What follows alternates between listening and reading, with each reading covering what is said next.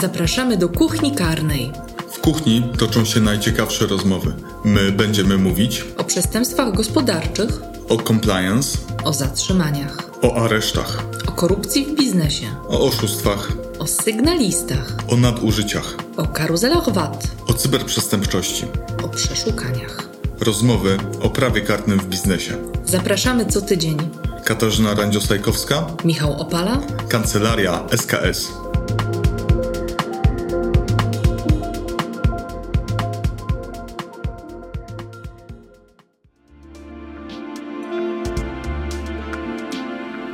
Witamy Państwa w kolejnym odcinku podcastu Kuchnia Karna.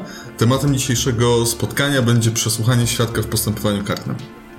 Dzień dobry. Bardzo się cieszymy, bo to jest jeden z naszych ulubionych tematów.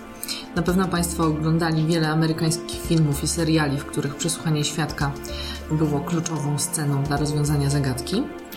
To nie tak. I właśnie to nie jest tak.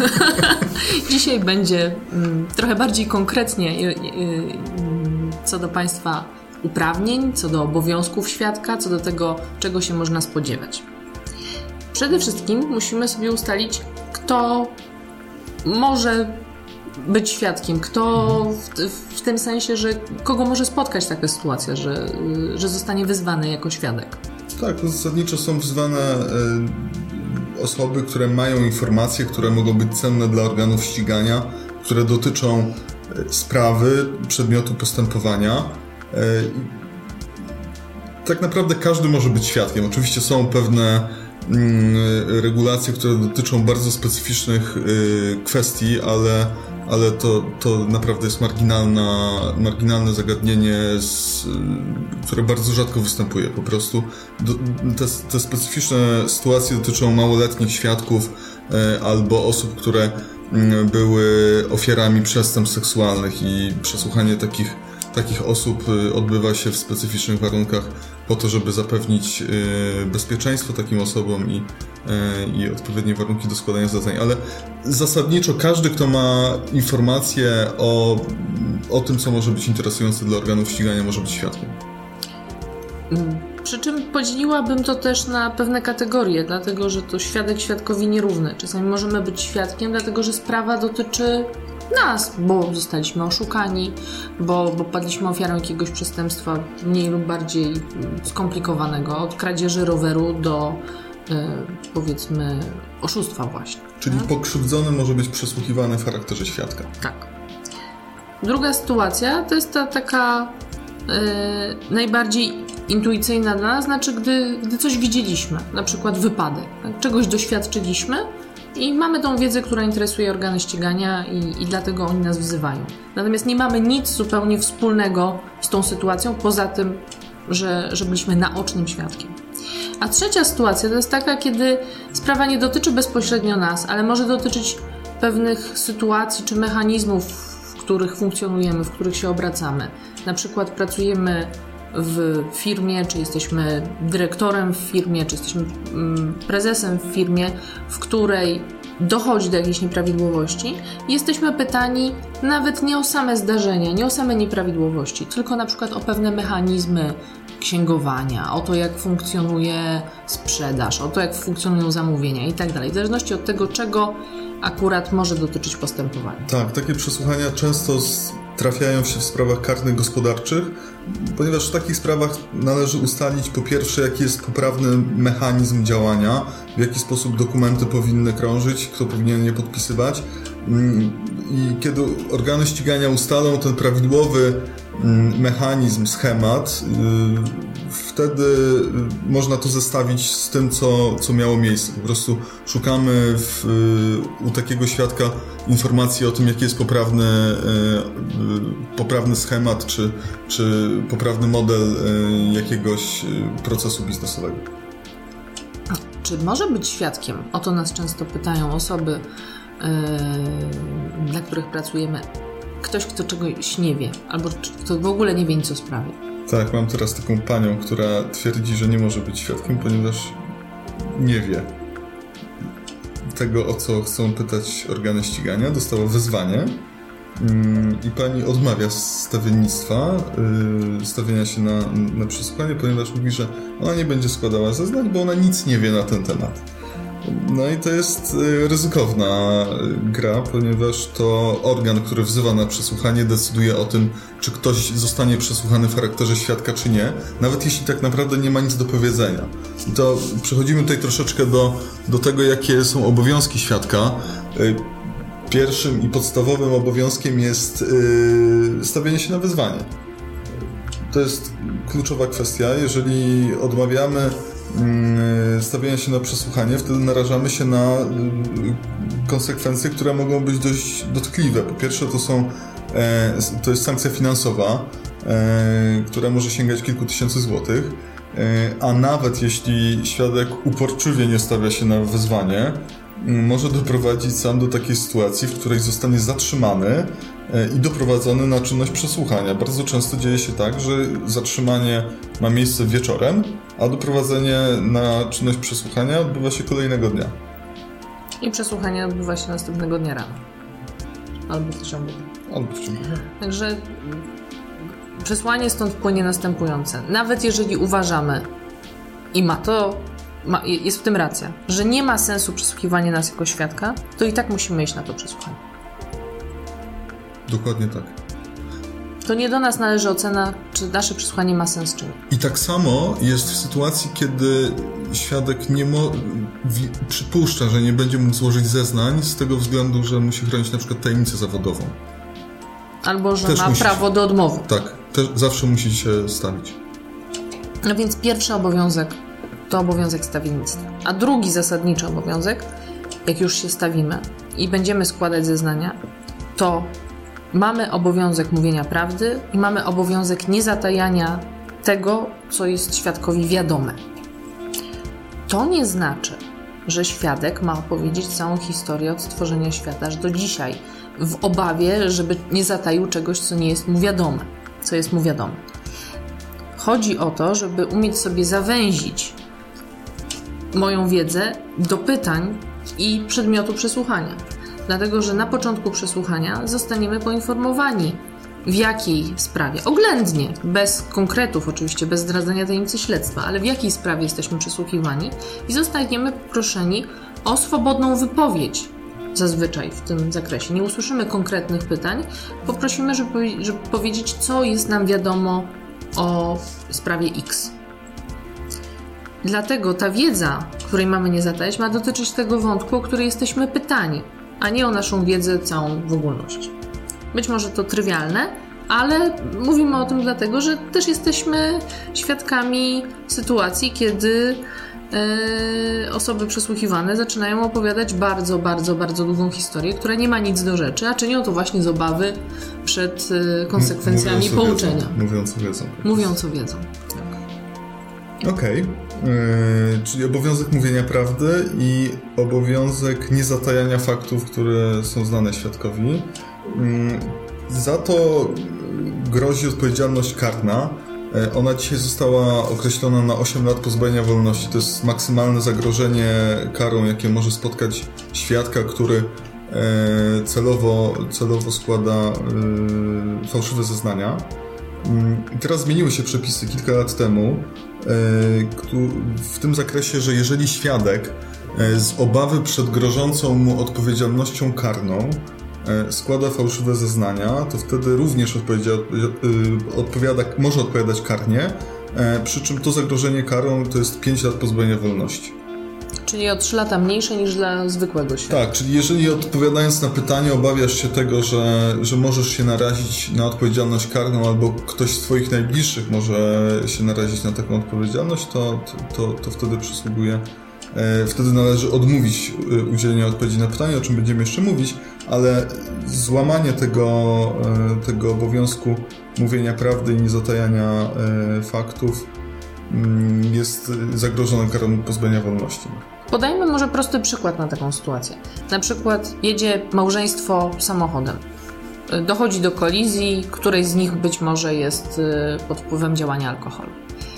Zeznają na początku jako świadkowie, bo nie wiadomo kto prowadził i komu w związku z tym stawiać zarzut.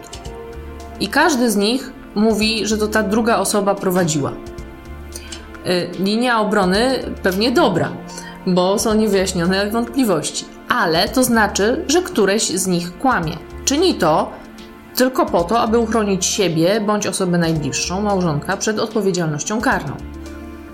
Motywacja jest szczytna.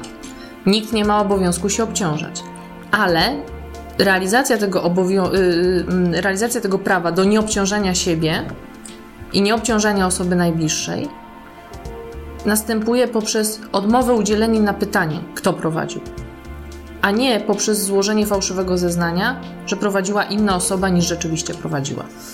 Myślę, że to w dosyć jasny sposób wyłożyłam, ale Myśl, myślę, że tak. Może chcesz te, uzupełnić? te, te przepisy nowe są dość kontrowersyjne i wiele osób je krytykuje.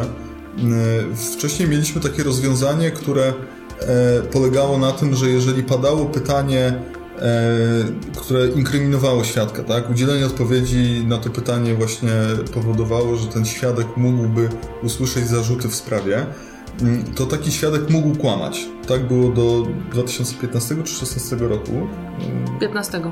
Okej. E, I nie było z tym większych problemów. E, Uznawano dość szeroko, że, że takie uprawnienie przysługuje świadkowi, on nie musi się obciążać, dopóki nie obciąża osoby, która jest niewinna. I to było, było dość jasne. To dzisiejsze rozwiązanie jest o tyle kontrowersyjne, że jeżeli świadek znajduje się w sytuacji, kiedy pada to niewygodne dla niego pytanie, on musi powiedzieć: Odmawiam udzielenia odpowiedzi na pytanie ze względu na to, że grozi, że mógłbym się narazić na odpowiedzialność karną. Czyli de facto w- kieruje e, zainteresowanie organów, może skierować y, zainteresowanie organów ścigania na swoją osobę. Także to jest y, dzisiejszy problem z, z, tą, z tą nową regulacją, ponieważ to prawo do odmowy udzielenia odpowiedzi na pytanie dotyczy konkretnego pytania. To nie jest prawo odmowy udzielenia zeznań w całości, tylko w danym, w przypadku konkretnego pytania można skorzystać z takiego prawa. E, Płynnie przechodzimy już teraz od obowiązków do uprawnień, tak? I jeżeli mówimy o tym, kiedy możemy odmówić zeznań w całości, to ma to związek z sytuacją rodzinną.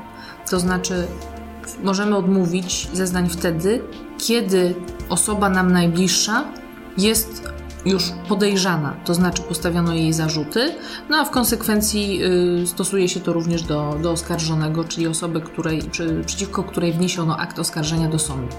Natomiast tak długo, jeżeli obie te osoby y, najbliższe sobie są tylko świadkami, tak długo ta, to prawo do odmowy zeznań w całości jeszcze nie przysługuje. Wtedy możemy tylko odmówić odpowiedzi na konkretne pytanie.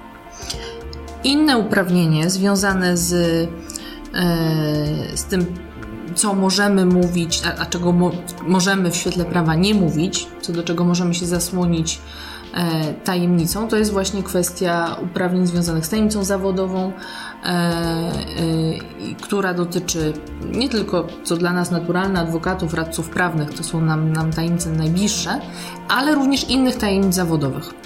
Bankowej, lekarskiej, notarialnej, Dziennikarskiej. i dziennikarskiej. Jeżeli świadek jest obowiązany do zachowania tajemnicy zawodowej, to trzeba pamiętać, że ma prawo do odmowy składania zeznań w tym zakresie. E, Natomiast y, istnieje też procedura, która mm, pozwala na zwolnienie świadka z obowiązku ochrony tej tajemnicy i bardzo często tak się dzieje w sprawach karnych, że rzeczywiście e, mamy y, takie postępowanie dotyczące zwolnienia z tajemnicy, z ochrony, z obowiązku zachowania e, tajemnicy. Mm, Ono też nie dotyczy wszystkich kategorii, bo są takie tajemnice, z których się nie da zwolnić. To jest tajemnica spowiedzi, tajemnica Obrończa. czyli związana z informacjami, które adwokat czy radca prawny zbiera w ramach y, obrony w postępowaniu karnym. Podsumowując tę część, mamy trzy obowiązki i trzy prawa, tak mówiąc w skrócie. Obowiązek stawiennictwa, obowią- obowiązek mówienia prawdy, obowiązek niezatajania faktów, które są świadkowi wiadome. I uprawnienia pomagające w realizacji tych obowiązków w sposób odpowiedni. uprawnienia związane z obowiązkiem zachowania tajemnicy, prawo do składania, y, do odmowy składania zeznań w całości, a w innych sytuacjach prawo do odmowy odpowiedzi na konkretne pytanie, które może nas, y, która ta odpowiedź mogłaby nas narazić albo osobę najbliższą na odpowiedzialność karną.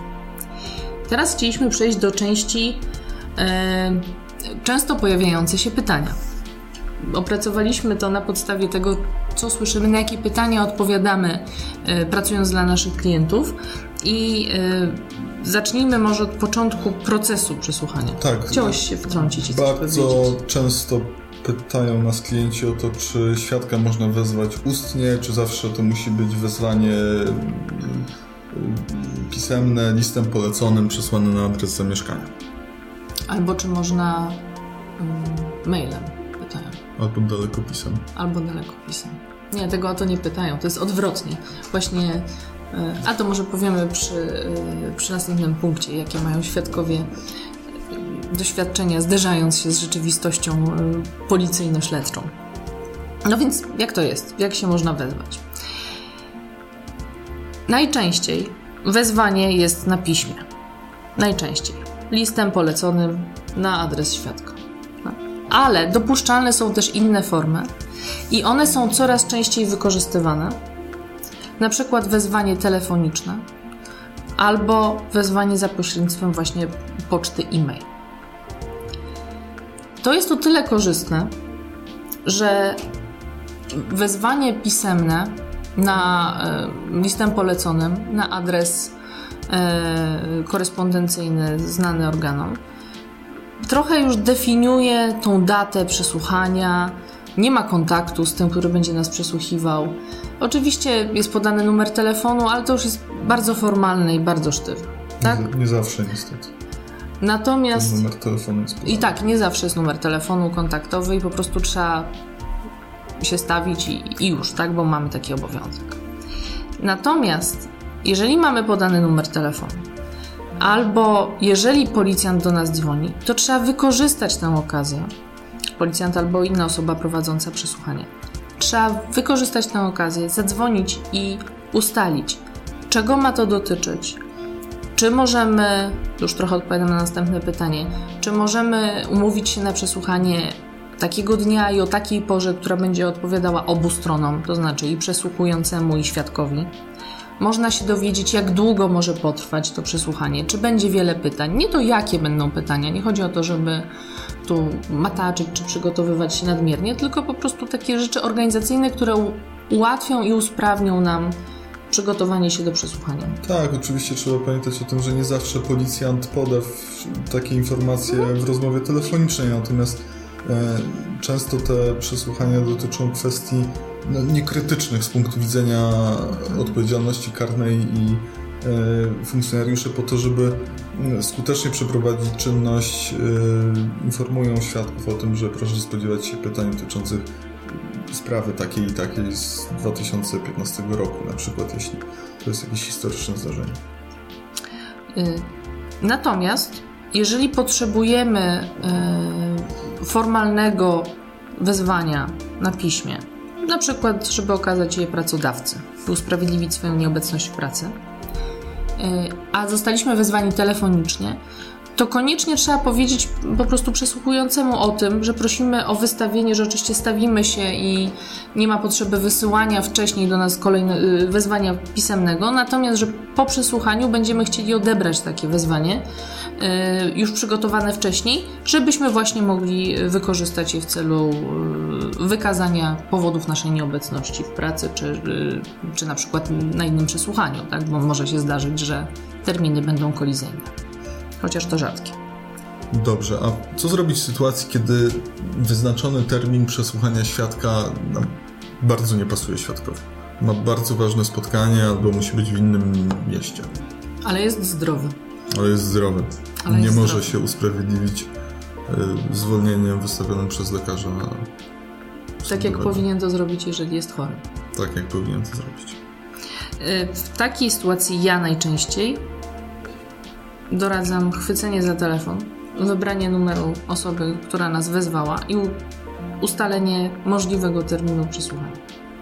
Może się oczywiście to nie udać, Może być tak, że będziemy musieli zrewidować swoje plany i stawić się, albo nie stawić się i ryzykować, że nasza nieobecność nie będzie traktowana jak nieobecność usprawiedliwiona. Trochę jak w szkole. Tylko konsekwencje są dużo gorsze. E, dużo bardziej dolegliwe. Mm, ale zazwyczaj się udaje, tak przynajmniej wynika z naszego doświadczenia. Trochę inaczej jest z sądami. No, sądy nie są aż tak elastyczne, bo mają swoje kalendarze rozpraw.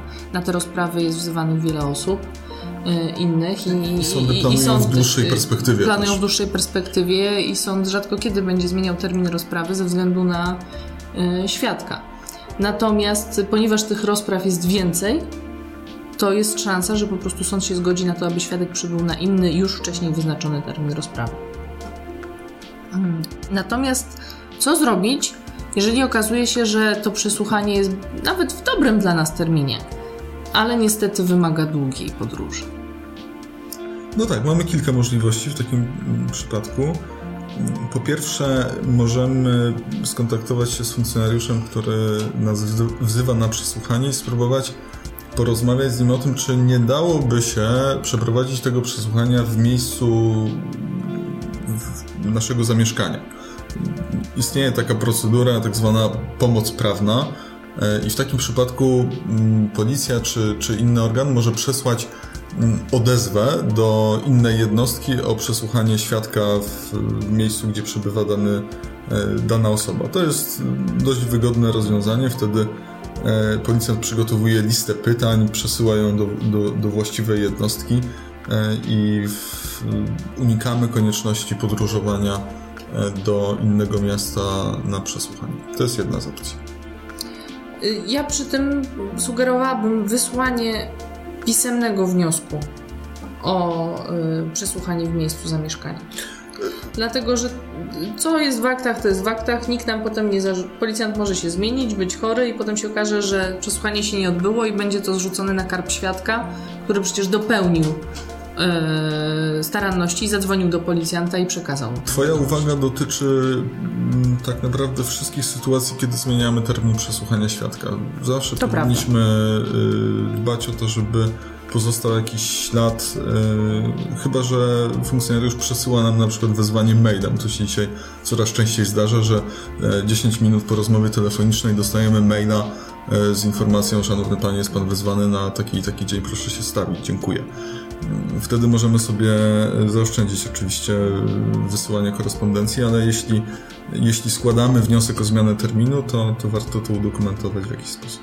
No i mm, mówiąc o tym mailu, to jest, należy się z tego cieszyć, że policjanci używają maila, czy w ogóle organy używają e, współczesnych środków komunikacji, dlatego że do dzisiaj zdarza się, że świadkowie chcą zmienić termin albo chcą usprawiedliwić swoją nieobecność i spotykają się z sytuacją, w której mogą wysłać jedynie faks bo dana jednostka policji, miałam tak, ostatnio taką sytuację chyba trzy miesiące temu. I ten biedny człowiek, który miał wszystko świetnie przygotowane, miał napisane usprawiedliwienie, miał dokumenty potwierdzające y, przyczynę jego nieobecności. Nie był w stanie tego nadać, a chodziło o mm, pilne nadanie, dlatego że ten termin był Jasne. bliski i wysłanie pocztą czegoś y, nie, nie, nie po prostu nie, nie przyniosłoby tego efektu, że, że dotarłoby to wi- do wiadomości policjanta. I on szukał faksu i chodził, w końcu znalazł, y, co więcej, poszedł nawet na pocztę, żeby wysłać faks. I się okazało, że telegram i faks zostały już zlikwidowane. I nawet Poczta Polska nie ma faksu. Akurat w tej miejscowości, gdzie on był. Myślę, że na Poczcie Głównej w Warszawie nadal można wysłać faks. Więc y, dobrze jest się upewnić jeszcze, jakimi środkami komunikacji dysponuje jednostka, do której mamy się udać y, w celu złożenia zeznania. Skoro już umówimy termin i, e, i w dodatku wiemy, że, że on będzie w miejscu, które nie jest zbyt oddalone od naszych, e, naszego miejsca zamieszkania, to e, musimy się zastanowić, jak to przesłuchanie wygląda.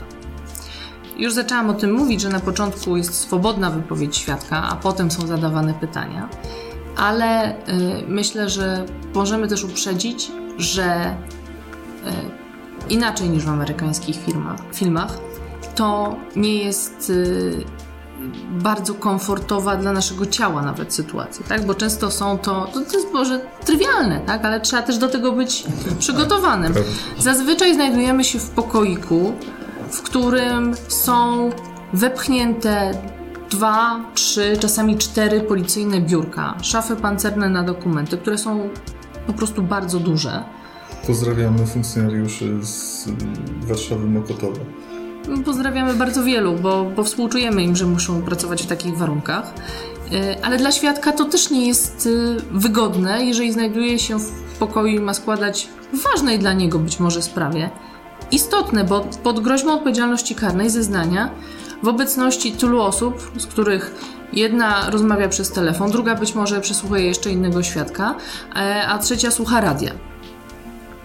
Nie będziemy tutaj może mówić o preferencjach muzycznych, chociaż mamy taką małą prywatną statystykę, które służby jakich stacji słuchają. To może na koniec roku w jakimś weselszym odcinku. Ale tak właśnie może być. I nie należy się przyjmować i brać tego do siebie, że w mojej sprawie tak policja tu działa, czy, czy, czy inne organy ścigania tak działają, że mnie lekceważą, bo mnie przyjmują w takim małym pokoiku. Tak, po prostu Takie są ta, takie są smutne warunki funkcjonowania organów ścigania. Nie wszystkie jednostki tak mają, ale w wielu tak można e, Niestety do tak dzisiaj to być przesłuchanym. To prawda. Y, No dobrze, czyli jaki jest przebieg przesłuchania? Też trzeba być świadomym tego, że najważniejszym elementem przesłuchania jest to, co po nim pozostanie, czyli protokół. Tak. Trzeba się koncentrować, świadek musi wiedzieć o tym, że to jest kluczowe, co zostanie zapisane w treści protokołu i częściowo to na świadku też spoczywa odpowiedzialność za to, y, jak ten protokół wygląda. Mm, Są sytuacje, w których świadek zeznaje na okoliczności takie bardzo specjalistyczne. To w szczególności przesłuchanie e, pracowników jakiejś korporacji e, prowadzi do takich sytuacji, gdzie, gdzie mamy konieczność opisania skomplikowanych procesów biznesowych. E, I tutaj trzeba mieć świadomość tego, że funkcjonariusze policji prowadzą sprawy z bardzo szerokiego spektrum i często mogą nie mieć wiedzy, nie mieć doświadczenia od, y, na temat funkcjonowania dużych firm y, i takich skomplikowanych procesów. Stąd prośba do osób, które będą składać zeznania, czy składają zeznania w takich sprawach, o to, żeby starały się wystrzegać nowomowy korporacyjnej, to, to pierwsza rzecz. A druga rzecz, żeby mówić w taki sposób, który pozwoli zrozumieć y, sens tej wypowiedzi, czy sens opisywanych zdarzeń osobom, które nie miały z tymi y, specjalistycznymi czynnościami do czynienia. I wreszcie trzeba ten protokół na koniec przeczytać, ale nie tylko sprawdzić błędy w, w nazwach, w nazwiskach, w takich szczegółach faktycznych, to oczywiście trzeba zweryfikować, ale także zastanowić się, czy on jest napisany w taki sposób, że nie wypacza sensu mojej wypowiedzi i że przeczytany za kilka lat w sądzie, bo przecież w większości przypadków nie kończy się na złożeniu zeznań w postępowaniu przygotowawczym przed policją czy innymi organami, ale sprawa trafia do sądu i w sądzie też będziemy świadkiem. I czy jak sąd będzie czytał ten protokół, to zrozumie, jakie są nasze odpowiedzi i co chcieliśmy przekazać. Dlatego, że przy pracy w małym, ciasnym pokoju, kiedy jeszcze policjant nie do końca zna tematykę, sposób funkcjonowania firmy, a świadek jest zmęczony chciałby już odebrać dziecko z przedszkola, a w ogóle to miał ciężki dzień, jest bardzo duża, zwykła ludzka pokusa do tego, żeby skrócić tę męczarnię i już nie czytać protokołu. I nawet jeżeli jakieś zdanie jest niepełne, niezbyt szczegółowe i wyrwane z kontekstu, to je po prostu zostawiamy. A potem za trzy lata w sądzie może się okazać, że te zeznania budzą wątpliwości i dopiero wtedy zaczynamy wyjaśniać pewne kwestie. Często jesteśmy pytani, czy poprawiać literówki, bo literówki będą się zdarzać. Yy, Kiedyś Zmieniające miał... sens. Zmieniający Sens tak. Więc tak, zmieniające sens, szczególnie w długich protokołach. Jeżeli poprawianie literówek, które nie wpływają na sens wypowiedzi, e, miałoby zająć zbyt wiele czasu, to zazwyczaj tak grzecznościowo już się temu policjantowi daruje poprawianie wszystkich literówek. Chyba, Natomiast przesłuchujemy nauczyciela albo byłego nauczyciela. To jest Tak. silniejsze. to jest silniejsze. Kiedyś, e, kiedyś byłam pełnomocnikiem w sprawie, w której przesłuchiwany był świadek z zawodu korektor. O jest. E, Poprawialiśmy nie tylko wszystkie literówki, ale poprawiliśmy również wdowy, sieroty, nadmierne spacje i inne błędy edytorskie. Czy uwagi zostały naniesione czerwonym długopisem?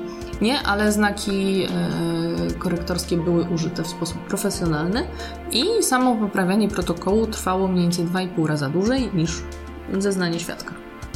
Tak było. Musisz pokazać mi ten protokół.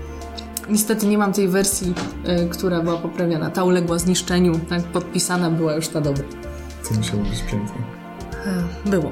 Więc wracając do rzeczy, tak? Sprawdzamy, czy ten protokół odpowiada naszemu zeznaniu, temu, co chcieliśmy powiedzieć, temu, co, yy, co jest zgodne z prawdą i, i czy nie ma tam jakichś przeinaczeń, przekłamań, yy, ze względu właśnie na to, że jest protokół niedopracowany.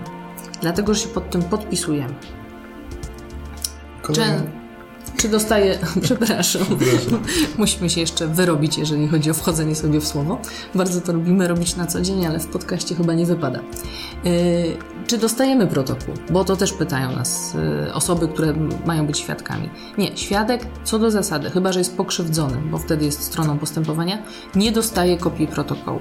Świadek może sobie robić notatki, ale y, nie może to wpływać na przebieg czynności. To znaczy, nie może być tak, że nie odpowiada na pytanie, ponieważ przez 20 minut notuje, co odpowiedział na poprzednie.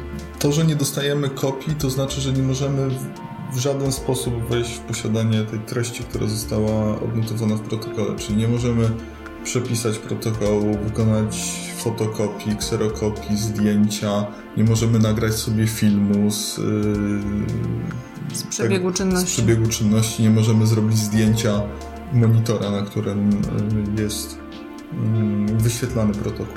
No w ogóle w niektórych służbach też są ograniczenia co do wnoszenia sprzętu elektronicznego, więc e, część z, z tych możliwości jest ograniczona w sposób naturalny, bo musimy się rozbroić z wszelkiej elektroniki, jak wchodzimy do, do siedziby pewnych służb. Czy w tym wszystkim może nam pomóc pełnomocnik? Może. To jest taka odpowiedź. Może. Świadek w uzasadnionych sytuacjach, przy czym ocena tego uzasadnienia należy do Myślałem, że powiesz, to zależy. Nie, nie chciałam powiedzieć, to zależy.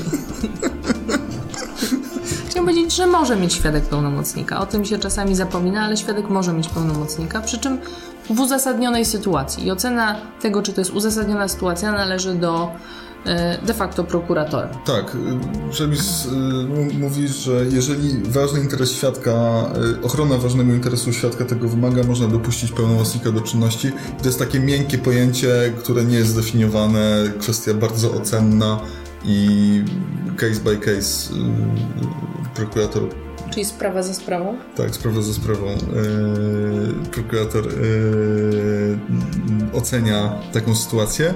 E, yy, jeżeli nie, nie, pełnomocnik nie jest dopuszczony do udziału w, yy, w przesłuchaniu, wtedy prokurator wydaje postanowienie w tym przedmiocie. Tak. Uzasadnione sytuacje takie z praktyki, y, w jakich świadkowie mogą mieć pełnomocnika, w jakich prokuratorzy nie mają wątpliwości. Pierwsza sytuacja, w której y, świadek może mieć pełnomocnika, to ta, kiedy prawdopodobnie może zostać podejrzanym. I dlatego już na etapie składania zeznań w charakterze świadka jego sytuacja wymaga udzielenia mu pomocy prawnej. Ale często jest też tak, że mamy do czynienia z osobą niewładającą językiem polskim. I y, już chociażby to jest powodem, żeby pełnomocnik był obecny przy przesłuchaniu. Często jest tak, że sprawa jest wielowątkowa, skomplikowana ze względu na materię, której dotyczy, i prokurator, nawet nie widząc może potrzeby dla tego konkretnego świadka, e, obecności, konieczności obecności pełnomocnika, tak? Czy temu świadkowi nie trzeba zapewniać specjalnej ochrony, i tak zgadza się na y, udział pełnomocnika w, w przesłuchaniu, bo wie, że to może pomóc, bo pełnomocnik będzie rozumiał o czym mówi świadek i po prostu pomoże dotrzeć do tych okoliczności, które są dla prokuratora ważne w badaniu stanu sprawy. Czy coś pominęłam? Powiedziałbym chyba tylko jeszcze tyle, że pełnomocnikiem w sprawie karnej może być tylko adwokat i radca prawny. Poza tym wydaje mi się, że wyczerpaliśmy temat pełnomocnika Tak. jako pełnomocnika świadka. Yy, z istotnych rzeczy, na koniec, powiedzmy o tym, od czego zwykle wszystko się zaczyna. Czy prawie wszystko, czyli o pieniądze. Nie chcemy wbrew pozorom mówić o tym, że świadek może dostać pieniądze za to, że zeznaje. Tak się nie robi, tego nie wolno. Natomiast może on dostać zwrot kosztów, które poniósł w związku z tym, że wypełniał swoje obowiązki stawiennictwa i udziału w przysłuchu. I to jest po pierwsze zwrot kosztów dojazdu, przy czym nie jest to zazwyczaj kwota odpowiadająca całkowitemu kosztowi poniesionemu przez świadka, bo w, przyciągu, w przypadku komunikacji to jest chyba druga klasa. Tak, nie pamiętam Nie pamiętam, Tam są, są, rycza, są ryczałty są i są, pe, są pewne ograniczenia. Y, również jeżeli czynność uniemożliwiła mu ustawienie się w ciągu tego dnia w pracy, może dostać zwrot kosztów y, wynagrodzenia, tak? zwrot wynagrodzenia za ten dzień Utraconego, utraconego zarobku. tak. Natomiast to wymaga, o ile koszty dojazdu wylicza się dosyć prosto, to y, wykazywanie wysokości utraconego zarobku za ten konkretny dzień y, jest dosyć trudne, znaczy, może nie trudne, ale jest, skomplik- jest bardziej skomplikowane. I wszystkie osoby, które celowo by sobie planowały dokonanie wielkiej transakcji, na której zarobią nie wiadomo jakie pieniądze, y, właśnie na dzień, kiedy e, mają być e, przesłuchiwani jako świadkowie. Od razu uprzedzam, że ten sposób zarobienia łatwo pieniędzy e, nie będzie skuteczny. To chyba wszystko, co mieliśmy dzisiaj zaplanowane do opowiedzenia w ramach tematu przesłuchania świadka w postępowaniu karnym. Oczywiście przesłuchanie świadka też może mieć y, miejsce na etapie postępowania sądowego, tak? Czyli to jest analogiczna czynność, y, tyle że prowadzona przed sądem. Myślę, że o tym dzisiaj już nie będziemy mówić. Y, Ponawiamy prośbę i apel o kierowanie do nas tematów, które mogą być dla Państwa interesujące, o, którym, o których chcielibyście Państwo usłyszeć. I tyle. I do usłyszenia. Dziękujemy. Do widzenia.